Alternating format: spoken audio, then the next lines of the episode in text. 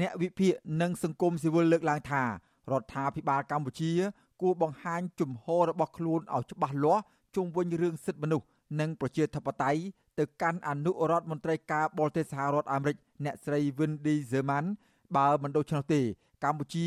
អាចនឹងរងវិធានការមួយចំនួនទៀតពីសហរដ្ឋអាមេរិកដែលនាំឲ្យកម្ពុជាខាតបង់អ្នកជំនាញវិទ្យាសាស្ត្រនយោបាយលោកអែមសវណ្ណារាយល់ថា ដំណើរទស្សនកិច្ចរបស់អនុរដ្ឋមន្ត្រីការបរទេសសហរដ្ឋអាមេរិកនេះទំនងជាអាមេរិកចង់ដឹងពីជំហរអព្យាក្រឹតរបស់កម្ពុជា ចំពោះមុខប្រទេសលោកសេរី និងប្រទេសចិនកុម្មុយនីស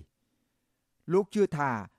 មន្ត្រីជាន់ខ្ពស់ការបរទេសសហរដ្ឋអាមេរិកនឹងលើកពីបញ្ហាប្រជាធិបតេយ្យនិងការគោរពសិទ្ធិមនុស្សយកមកជជែកជាមួយនឹងរដ្ឋាភិបាលកម្ពុជា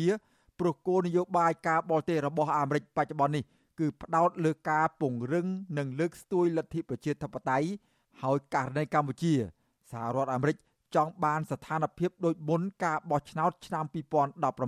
2017 យន្តការនៃគេហៅថាអធិប្រជាធិបតេយ្យហើយនិងសិទ្ធិមនុស្សដែលសហរដ្ឋអាមេរិកកំពុងតែដាក់ជាចំណុចនៃគោលនយោបាយការបរទេសក្នុងអាណត្តិរដ្ឋការរបស់លោកជូបៃដិនហ្នឹងដើម្បីពង្រឹងឬក៏ជាចលករនៃការឲ្យមានការលើកស្ទួយលទ្ធិប្រជាធិបតេយ្យនិងសិទ្ធិមនុស្សនៅទូទាំងសកលលោកតែម្ដងជាចរន្តមួយដែលគេបារម្ភដែលសហរដ្ឋអាមេរិកហើយនិងសហគមន៍អឺរ៉ុបតែងតែលើកឡើងឲ្យភាគីកម្ពុជាហ្នឹងងាកមករក្សាជំហរស្រដៀងគ្នានេះដែរ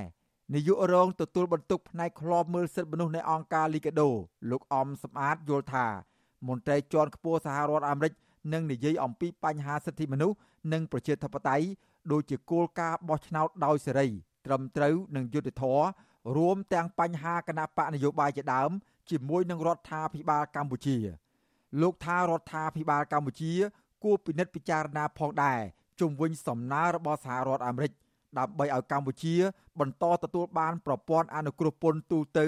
ឬ GSP ពីសហរដ្ឋអាមេរិកដើម្បីផលប្រយោជន៍ផ្សេងផ្សេងទៀតសម្រាប់ប្រជាពលរដ្ឋចង់ឃើញនៅប្រទេសកម្ពុជាដែលដើរស្របតាមគន្លងលទ្ធិប្រជាធិបតេយ្យនិងការគោរពសិទ្ធិមនុស្សឡើងវិញនេះទី1ដែលខ្ញុំគិតហើយទី2អាសហរដ្ឋអាមេរិកក៏អាចនឹងនិយាយពេលភាគីជាមួយកម្ពុជាពីរឿងយោបាយការប្រទេសផ្សេងផ្សេងទៀតដែលអាចនឹងពាក់ព័ន្ធ រីឯមន្ត្រីជាន់ខ្ពស់និងជាកូនស្រីរបស់ប្រធានគណៈបកសង្គ្រោះជាតិលោកកំសខា គឺកញ្ញាកឹមនោវិជ្ជាវិញ សង្ឃឹមថាអនុរដ្ឋមន្ត្រីការបរទេសសហរដ្ឋអាមេរិកនឹងលើកឡើងទៅកាន់របបក្រុងភ្នំពេញអំពីភាពចាំបាច់នៃការគោរពសិទ្ធិរបស់ប្រជាពលរដ្ឋក្នុងការជ្រើសរើសមេដឹកនាំដែលខ្លួនពេញចិត្តដោយដែលមានចែងនៅក្នុងរដ្ឋធម្មនុញ្ញកញ្ញាគូសបញ្ជាក់នៅលើបណ្ដាញសង្គម Twitter ថាសិទ្ធិនេះ ត្រូវបានរបបក្រុងភ្នំពេញដកហូតយកពីប្រជាពលរដ្ឋពាក់កណ្ដាលប្រទេសកាលពីឆ្នាំ2017ពេលដែលគណៈបកសង្គ្រោះជាតិត្រូវបានរំលាយហើយលោកកឹមសខាត្រូវបានចាប់ខ្លួននិងបំបិទសិទ្ធិធ្វើនយោបាយអនុរដ្ឋមន្ត្រីការបរទេសសហរដ្ឋអាមេរិកអ្នកស្រី Wendy Sherman នឹងបំពេញទស្សនកិច្ចទៅកាន់ប្រទេសចំនួន5នៅក្នុងទ្វីបអឺរ៉ុបនិងអាស៊ីអាគ្នេយ៍ដែលក្នុងនោះក៏រួមមានទាំងកម្ពុជាផងដែរ។ សេចក្តីប្រកាសព័ត៌មានរបស់ក្រសួងការបរទេសសហរដ្ឋអាមេរិកកាលពីសប្តាហ៍មុនឲ្យដឹងថាក្នុងដំណើរទស្សនកិច្ចរបស់អ្នកស្រីមកកាន់តំបន់អាស៊ីអាគ្នេយ៍អ្នកស្រីនឹងបញ្ជាក់អំពីការបដិញ្ញាចិត្តរបស់សហរដ្ឋអាមេរិកចំពោះអព្យាក្រឹតរបស់អាស៊ាន និងពិភាក្សាអំពីបញ្ហានានា ទាំងបញ្ហាទ្វេភាគីជាមួយនឹងសហរដ្ឋអាមេរិកនិងបញ្ហាក្នុងតំបន់រួមទាំងករណីនៅប្រទេសភូមាផងដែរដោយឡែកនៅកម្ពុជាវិញ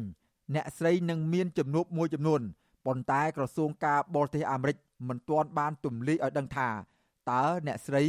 នឹងជួបអិសរាជជននយោបាយណាខ្លះហើយនឹងលើកយកបញ្ហាអ្វីទៅជជែកជាមួយមន្ត្រីរដ្ឋាភិបាលកម្ពុជានោះទេស្ថានទូតសហរដ្ឋអាមេរិកប្រចាំនៅកម្ពុជាក៏មិនទាន់អាចសុំការធ្វើអត្ថាធិប្បាយអំពីរឿងនេះបានដែរ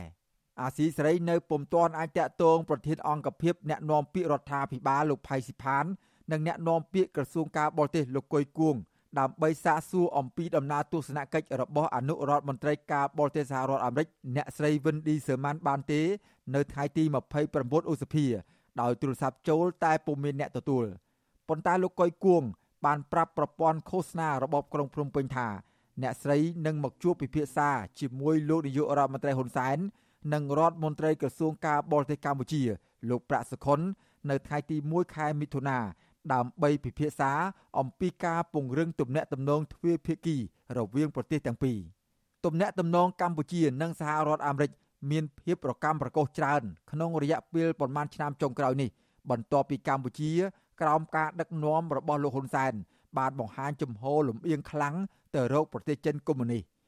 ម្យ៉ាងវិញទៀតរបបក្រុងភ្នំពេញ បានកោះរំលើងគ្រឹះប្រជាធិបតេយ្យនៅកម្ពុជា តាមរយៈការរំលាយគណៈបកសង្គ្រោះជាតិ ដែលជាគណៈបកប្រឆាំងដ៏ធំជាងគេនៅកម្ពុជាព្រមទាំងបិទសិទ្ធិធ្វើនយោបាយរបស់មន្ត្រីគណៈបកប្រឆាំងចំនួន118នាក់ថែមទៀតកាន់តែធ្ងន់ធ្ងរជាងនេះទៅទៀតនោះគឺលោកហ៊ុនសែនខ្លួនឯងផ្ទាល់បានចោទប្រកាន់ជាចំហដោយមិនបង្ហាញភ័ស្តុតាងថាសហរដ្ឋអាមេរិកជាអ្នកនៅពីក្រោយខ្នងនៃអ្វីដែលលោកហៅថាជាផែនការបដិវត្តពណ៌របស់លោកកំសខាសហរដ្ឋអាមេរិកតាមរយៈមន្ត្រីទូតនៅភ្នំពេញ តែងតែច្រានចោលការចោទប្រកាន់គ្មានមូលដ្ឋានរបស់លោកហ៊ុនសែននិងមន្ត្រីរដ្ឋាភិបាលកម្ពុជា ជាងនេះទៅទៀតសហរដ្ឋអាមេរិកក្នុងនាមជាប្រទេសហត្ថលេខីនៃកិច្ចព្រមព្រៀងសន្តិភាពទីក្រុងប៉ារីសនិងជាប្រទេសប្រជាធិបតេយ្យគំរូបានដាស់តឿនរបបលោកហ៊ុនសែនម្ដងហើយម្ដងទៀតឲ្យស្ដារស្ថានភាពសិទ្ធិមនុស្សនិងប្រជាធិបតេយ្យឡើងវិញនាយករងទទួលបន្ទុកកិច្ចការតំបន់អាស៊ីនៃអង្គការឃ្លាំមើលសិទ្ធិមនុស្សអន្តរជាតិ Human Rights Watch លោក Phil Robertson បានសរសេរនៅលើបណ្ដាញសង្គម Twitter ថាជារឿងសំខាន់ខ្លាំងណាស់ដែលអនុរដ្ឋមន្ត្រីការបរទេសសហរដ្ឋអាមេរិក